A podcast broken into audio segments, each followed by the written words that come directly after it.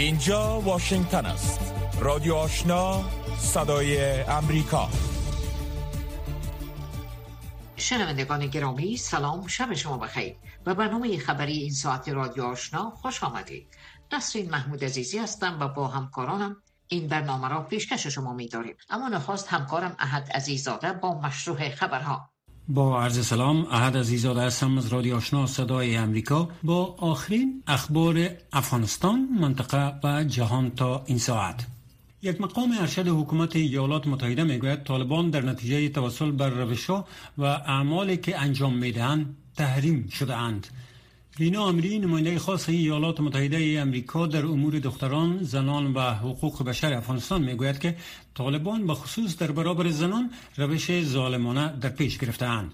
به قول از رادیو آزادی رینا امیری این اظهارات را در گفتگوی تازه با بی بی سی ابراز داشته و افزوده است که تحریم ها و مجازاتی که بالای طالبان وضع شده به حالت خود باقی مونده این همه به علت روش ها و اعمال خود طالبان است طالبان زنان را طوری که گزارشگر خاص ملل متحد چند روز پیش گفت نادیده گرفتند این ظالمترین رژیم در جهان است. خانم امیری افزود که زنان افغان با تبعیض جنسیتی روبرو هستند و روشی که طالبان در برابر زنان اختیار کردند در هیچ کشور اسلامی وجود ندارد. این اظهارات از سوی خانم امیری به روز دوشنبه در حال ابراز شد که گردمایی اخیر حدود 4.5 هزار عالم دین و بزرگان قومی که از سوی طالبان در کابل دایر شد از رژیم آنها حمایت کرده و از جامعه مدنی و امریکا خواستند که پولهای قچره افغانستان را آزاد کنند. شماری از بیجا شدگان ولسوالی بلخاب به ولایت سرپل می‌گویند کوچیدن مردم عام از این ولسوالی هنوز هم ادامه دارد. اما سخنگوی وزارت داخله حکومت افغانستان دو روز پیش در گفتگو با رسانه ها این ادعاها را رد کرد. دکتر رامیز الکپروف معاون نماینده خاص منشی عمومی سازمان ملل متحد برای افغانستان در توییت گفته است که نزدیک به 20 هزار زن در سنین باروری از جمله دو هزار نفر که در حال حاضر باردار هستند از جمله کسانی هستند که در اثر زلزله مرگباری که هفته گذشته در ولایت پکتیکا و خوست در افغانستان اتفاق افتید آسیب دیدند تخمین زده می شود که 640 زن باردار در سه ماه آینده زایمان کنند. صندوق جمعیت سازمان ملل متحد می گوید به سرعت برای ارائه خدمات اصراری آماده شده است و با شرکای خود از نزدیک برای حمایت از امانگی کمک های بشردوستانه با تمرکز ویژه بر نیازهای زنان و دختران همکاری می کند. در این زمان وانگ یو سفیر چین در افغانستان در یک کنفرانس خبری گفت که کشورش 320 تن مواد غذایی را برای خانواده های زلزله زده در جنوب شرقی افغانستان فراهم کرده است. او گفت که به زودی 200 تن کمک بیشتر به کابل خواهد رسید. طالبان می‌گویند ایران روزانه هزاران مهاجر افغان را جبران اخراج می کند وزارت امور مهاجرین و عبادت کنندگان اداره طالبان می‌گوید که در روزهای اخیر روند برگشت و اخراج مهاجرین افغان از ایران افزایش یافته و در پنج روز گذشته هزاران افغان از آن کشور جبران بازگردانده شده اند. جزیات بیشتر از نسرین محمود عزیزی وزارت امور مهاجرین و عودت کنندگان اداره طالبان گفت تنها روز دوشنبه 3198 مهاجر افغان از مرز میلک ولایت نیمروز و اسلام قلعه ولایت هرات وارد آن کشور شدند. این وزارت گفته است که بسیاری کسانی که به کشور خود برگشتند به گونه غیر قانونی وارد ایران شده بودند. بر اساس معلومات این وزارت همچنان از تاریخ 9 تا 11 سرطان 4559 نفر از مرزهای افغانستان دوباره به وطن خود برگشتند که در میان آنها زنان و کودکان نیز شاملند. و گفته طالبان دولت ایران روند اخراج مهاجران افغان را شدت داده و روزانه هزاران نفر را جبران به افغانستان برمیگرداند مقامات طالبان پیش از این نیز گفته بودند که از آغاز سال روان خورشیدی به این طرف به گونه اوسط روزانه دو هزار مهاجر افغان از ایران به افغانستان برگشت داده می شوند. معین وزارت خارجه حکومت طالبان ابراز امیدواری کرد که ایران روند توزیع ویزه برای افغانها را تسریع کند تا زمینه رفت و برگشت قانونی افغانها فراهم شود این در حال است که دو روز پیش احمد وحیدی وزیر داخله ایران گفت آن عده شهروندان خارجی که در طرح شناسایی اتباع خارجی مقیم ایران ثبت نام نمی کنند حضورشان در آن کشور غیر قانونی بوده و به اساس قوانین اقامت غیر قانونی با این افراد برخورد صورت می گیرد. همزمان با افزایش به سابقه قیمت تیل و گاز مایع در بازارهای افغانستان طالبان می‌گویند که برخی از علاقات در بلند بردن قیمت نفت در آن کشور نقش دارند در روزهای اخیر که یک لیتر تیل پترول به بالاتر از 80 افغانی در های تیل به فروش می رسید در حال حاضر بهای این مقدار تیل به 90 افغانی رسیده است. یک لیتر تیل دیزل به 120 افغانی در کابل به فروش می رسد در اینها دفتر ملا عبدالغنی برادر معاون اقتصادی ریاست الوزرای اداره طالبان در خبرنامه گفته است که بررسی های آنان نشان می دهد که برخی حلقات به طور برنامه ریزی شده در افزایش قیمت نفت و ایجاد بحران در افغانستان دست دارند. اخبار جهان را از رادیو صدای امریکا میشنوید. سرانولی عالی ازبکستان اعلام کرد که در نارامه های اخیر در آن کشور 18 نفر کشته و 234 تن دیگر زخمی شده اند. هزاران نفر از باشندگان منطقه خودمختار قره قالپاکستان بعد از آن دست به اعتراض زدند که حکومت می‌خواست حیثیت قانونی این منطقه یعنی موضوع خودمختاری آن را تغییر دهد گزارش ها می رساند که نیروهای امنیتی در برابر تظاهر کنندگان از زور کار گرفته و تعدادی از اعتراض کنندگان کشته و یا زخمی شده اند. به دنبال این مظاهرات رئیس جمهور شوکت میرزیایف روز دوشنبه مجبور شد که بعد از یک نشست با پارلمان از تعدیل قانون اساسی منصرف شود. یک مقام سازمان ملل متحد هشدار داده که بسته شدن آخرین دهلیز کمک رسانی از ترکیه به مناطق تحت کنترل شورشیان در شمال غرب سوریه برای میلیون ها نفر یک فاجعه خواهد بود. مارکت معاون همان کننده کمک های بشردوستانه منطقه سازمان ملل متحد برای بحران سوریه گفت این یکی از آسیب پذیرترین جمعیت ها در سراسر جهان است. این کاملا ضروری است که ما این راه نجات را ادامه دهیم. دفتر هماهنگی امور بشردوستانه سازمان ملل متحد اوچا می‌گوید که بیش از 4600 لاری های کمک که عمدتا مواد غذایی را حمل می‌کردند از آغاز سال جاری تاکنون از آن عبور کرده و به حدود دو اشاره چهار میلیون نفر کمک کرده اند.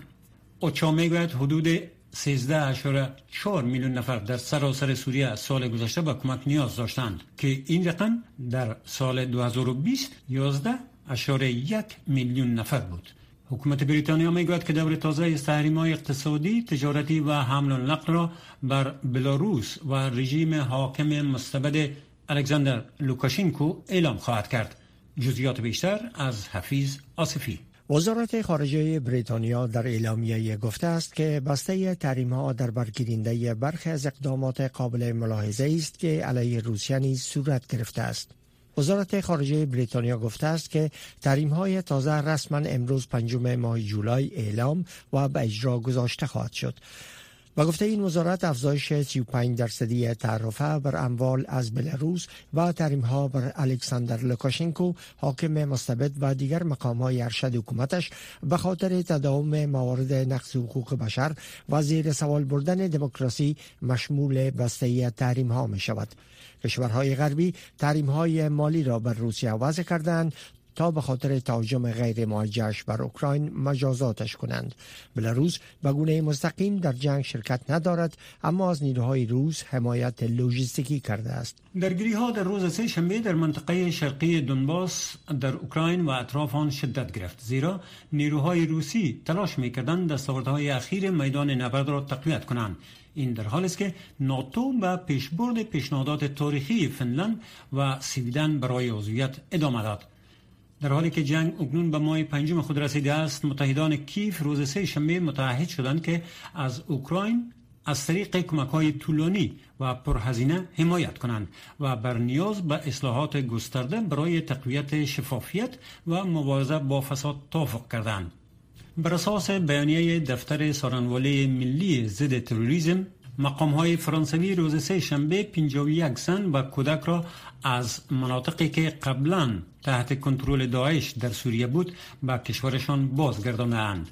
این بزرگترین بازگشت زنان و کودکان به فرانسه از اردوگاه های شمال شرقی سوریه از زمان شکست ارزی گروه دولت اسلامی در ماه مارچ 2019 است. فرانسه بیش از هر کشور دیگری در اروپا شاهد خروج شهروندانش برای پیوستن به داعش بود. ادامه اخبار جهان از رادیو آشنا صدای امریکا مقام های استرالیا روز سه شنبه گفتند که صدها خانه در بزرگترین شهر استرالیا و اطراف آن در یک سیل شدید که برای 50 هزار نفر مشکل ایجاد کرده بود زیراب شده است.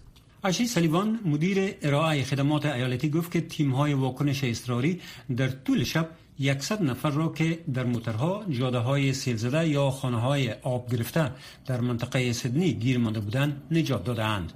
به دنبال افزایش واقعات جدید کویت 19 در ولایت مرکزی آنهای چین به یک اشاره هفت میلیون باشنده آن شهر دستور داده شده است که خود را در خانه هایشان قرنطین کنند. حکومت چین برای مهار کردن همگیری کویت 19 روی کرده جدی و سختگیرانه به شمول قرنطین جمعی و کمپانی های سراسری معاینات کویت 19 را روی دست گرفته است. پایان اخبار افغانستان، منطقه و جهان تا این ساعت از رادیوشنا صدای امریکا. روک و راست صحبت های داغ صاحب نظران در مورد خبرها و مسائل روز هر شام از ساعت 8 تا 9 شب در برنامه مشترک دری و پشتوی رادیو آشنا صدای امریکا. بخش زنده این برنامه را در نشرات ماهواره صدای امریکا نیز دنبال کرده می توانید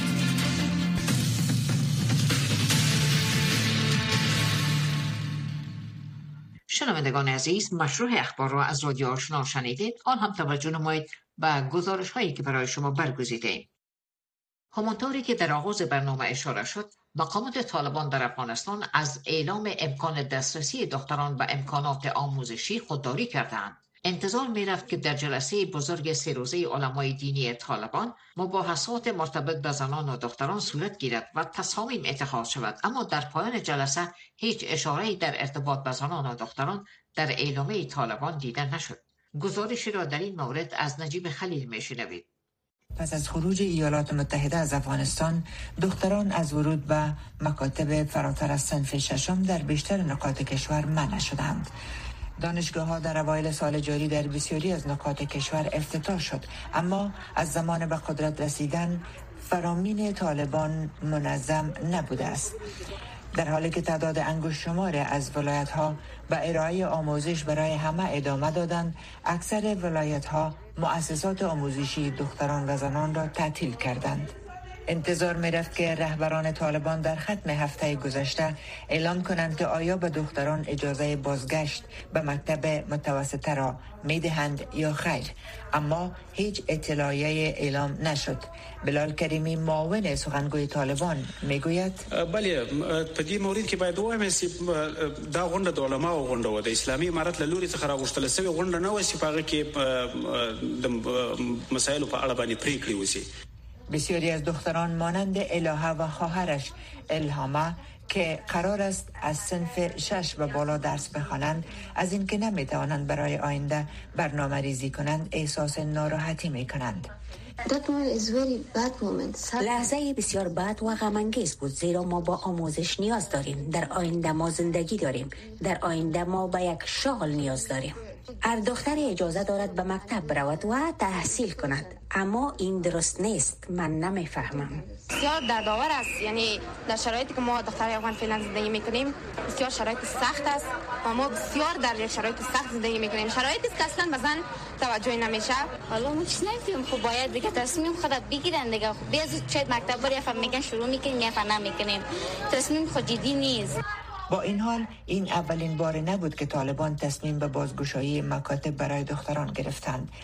فاطمه حمید یک معلم در کابل می‌گوید که طالبان با وعده بازگشایی مکاتب قصد دارند زنان را ساکت نگه دارند. ما زن 20 سال پیش نیستیم. آنها می‌خواهند همه زنان را با این جمله آرام کنند که امروز مکتب را باز می‌کنیم فردا مکتب را باز می‌کنیم. اما این کار را نمی‌کنند. آنها می‌خواهند تمام زنان افغانستان را فریب دهند. بلال کریمی معاون سخنگوی طالبان و سکای نیوز گفت که درهای مکتب بسته نیست و علاوه کرد که موضوع گشایش مکاتب سنوف بالاتر مورد بررسی قرار دارد. رادیو آشنا صدای امریکا منبع موثق خبرها و گزارش های جهان و افغانستان. صندوق جمعیت ملل متحد می‌گوید که نزدیک به 20 هزار زن در سنین باروری با شمول حدود دو هزار زن باردار از جمله کسانی هستند که در اثر زلزله مرگباری که اخیرا در افغانستان رخ داد متأثر شدند. بر اساس اعلامیه صندوق جمعیت ملل متحد که روز دوشنبه چهارم جولای نشر شد تخمین زده می شود که 640 زن باردار در سه ماه آینده در مناطق زلزله زده زایمان خواهند کرد من نسرین محمود عزیزی در زمینه نظر دکتر عبدالوهاب متخصص در شفاخانه های فیرفکس و آرلینگتن ایالت ویرجینیا را جویا شدم که با سخنان آقای وهاب در رابطه با چگونگی رساندن کمک ها به این نیازمندان آغاز می شود. توجه کنید کمک هایی که بر افغانستان در مناطق مسیحیه صورت باید بگیره بدون موجودیت کلینیک هایی که باید توزیع شود بسیار مشکل است کمک ها از طریق کسایی که کمک ارسال می‌کنن باید یک مرکز برسه. از اونجا به مناطقی که ضرورت است باید distribute شود و در اون مناطقی که توزیع میشه باید کلینیک های وجود داشته باشه مؤسسات وجود داشته باشه که به کسایی که ضرورت داره کمک ها برسه. و کمک ها می‌تونه کمک های صحی باشه و می‌تونه کمک های مواد غذایی باشد و ادویه و اطلاع باید باشه. در حال حاضر موثرترین راه برای کمک به نیازمندان چی است؟ فعلا از نظری که مردم تکلیف های روحی دارن تکلیف های جسمی دارن کمبود مواد غذایی وجود داره. بهترین راهی است که مواد غذایی کافی باید به مردم که ضرورت دارن باید برسه و ادویه و دکتر به صلاح که مردم ضرورت داره که سپورت ها باید برسه و یک توسط تیمای صحی باید صورت بگیره با موجودیت اعضای به دفاتر که اونا را کنترل کنه که باید ویست نشه. جناب دکتر سبداله که دروازه های مکاتب و تحصیل علم برای دخترها بسته است حضور فیزیکی دکترها و نرس ها و کدرای علمی را در چنین موارد اضطراری و هم برای آینده زیر سوال می‌بره شما چی نظر دارین؟ چی کارهایی باید صورت بگیرم؟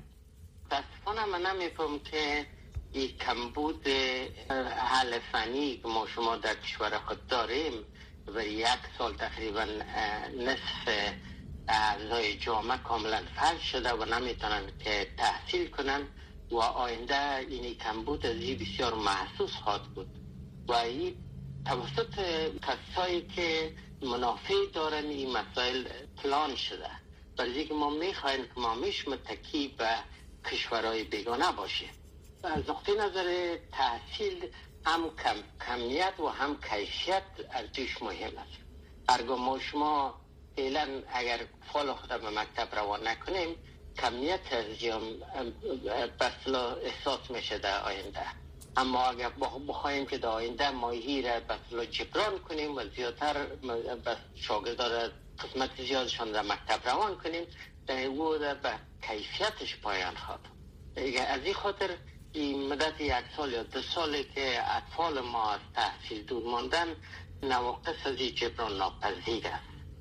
و خداوند این کسایی که این تصامیر می‌گیره برای راست هدایتشان تشکر برای زنایی که در حال حاضر باردار هستن و زلزله زده هستن چی گفتنی دارین؟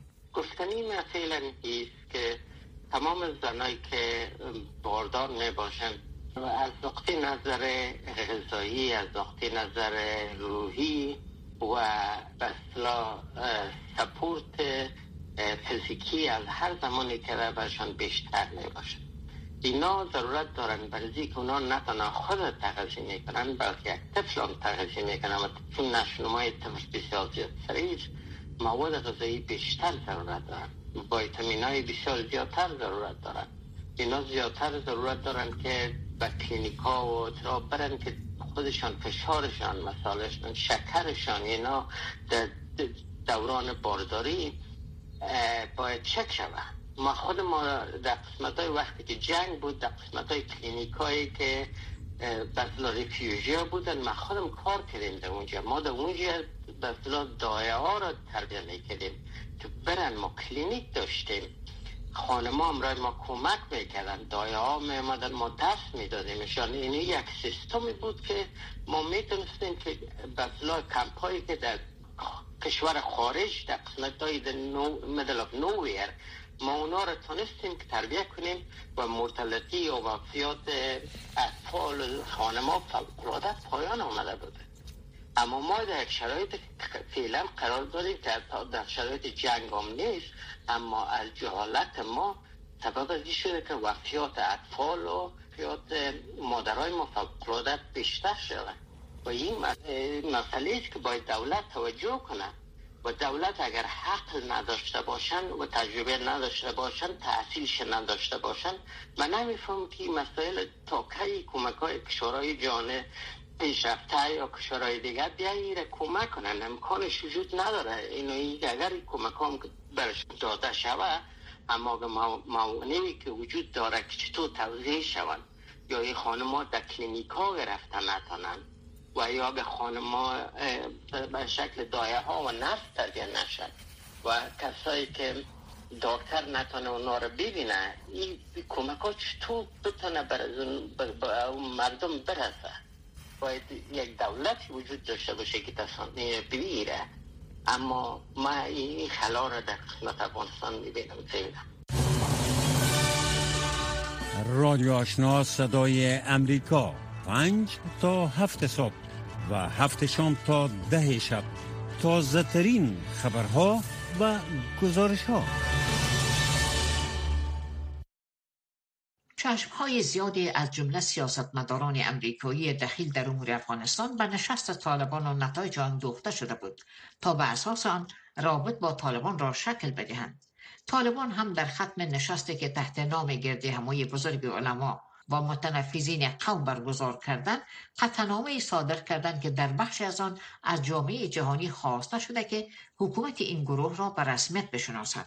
این نشست و این قطعنامه چی پیام به جامعه جهانی به خصوص ایالات متحده امریکا دارد که بعد از ماها مذاکرات رو در رو را با طالبان از سر آغاز کردند در این رابطه فوزی احسان مصاحبه با میاگل وسیق کارشناس امور سیاسی و اجتماعی انجام داده است که پیشکش شما می شود این نشست و این قطعنامه چی پیام به جامعه جهانی به خصوص به ایالات متحده امریکا داره که پس از ماها مذاکرات را دوباره البته مذاکرات روبرو را دوباره با طالب آغاز کرده و در تازه ترین مورد شما در جریان هستین که تام ویست نماینده امریکا برای افغانستان با سرپرست وزارت خارجه طالبان در دوحه دیدار کرد. امی قطعنامه چه پیام واضحی به ایالات متحده امریکا داره تا بر اساس از او روابط خود را امریکا با طالبان شکل بده؟ من فکر می کنم که بر شما گفتم که در قطعنامه چی بود؟ حال توقعی که جامعه جهانی داشت از یک طرف ساختن یک حکومت همه شمول بود. که او تقریبا در مجموع افغانستان کتگوری های مختلف به حساب ساختارهای زبانی و قومی همه یعنی اوجا حضور خود ببینن و مردم به اصطلاح دلگرم شوند.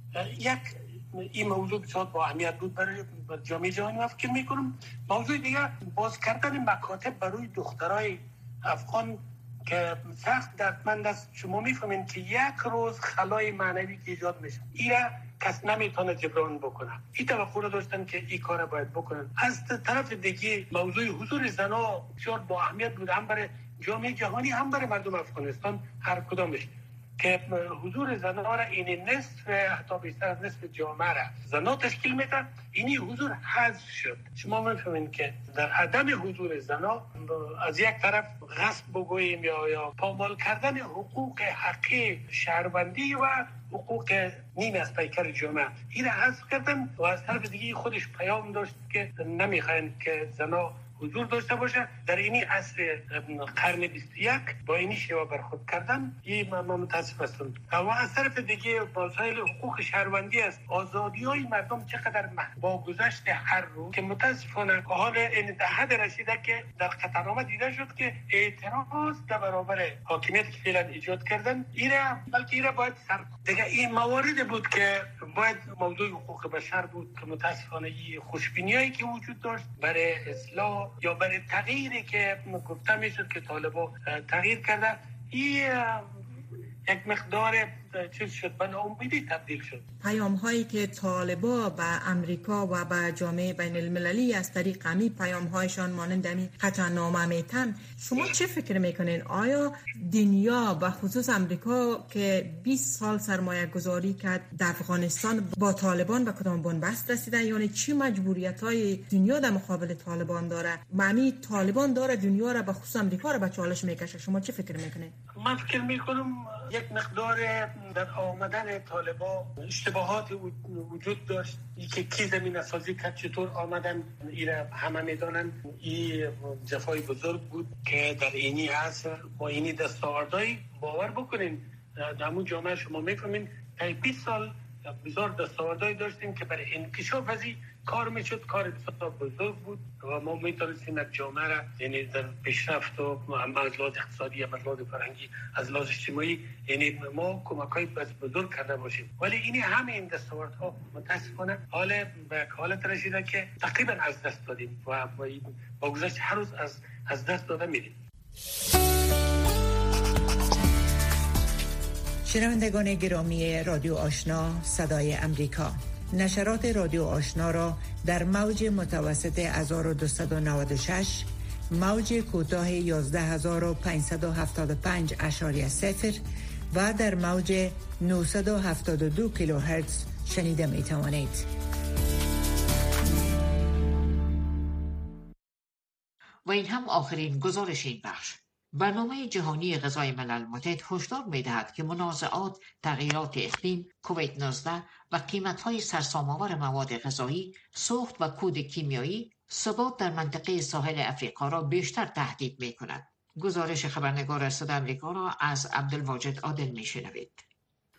برنامه جهانی غذا هشدار می‌دهد که موج از گرسنگی و رنج بخش از ساحل را فرا گرفته است و مردم را تا سرحد نومیدی و کندی پیشرفت سالهای قبلی به پیش می‌برد. این اداره ملل متحد گزارش می‌دهد که 12.7 میلیون تن به شدت با قحطی روبرو هستند از جمله 1.4 میلیون نفر در آستانه گرسنگی قرار دارد. این گزارش می‌گوید 6 میلیون کودک دچار سوی تغذیه حاد هستند و در صورت عدم چارجویی آنها در معرض بیماری و حتی مرگ قرار می‌گیرند. الکساندر لوکوزیه مشاور ارشد آمادگی و پاسخ اضطراری برنامه غذایی جهان WFP برای غرب افریقا است. او که از داکار در سنیگال صحبت می‌کرد هشدار داد که تعداد افرادی که از گرسنگی حاد رنج می‌برند و تعداد کودکان مبتلا به سوی تغذی احتمالا در فصل فیلی کمبود غله که ذخایر مواد غذایی در پایین ترین حد خود است افزایش خواهد یافت.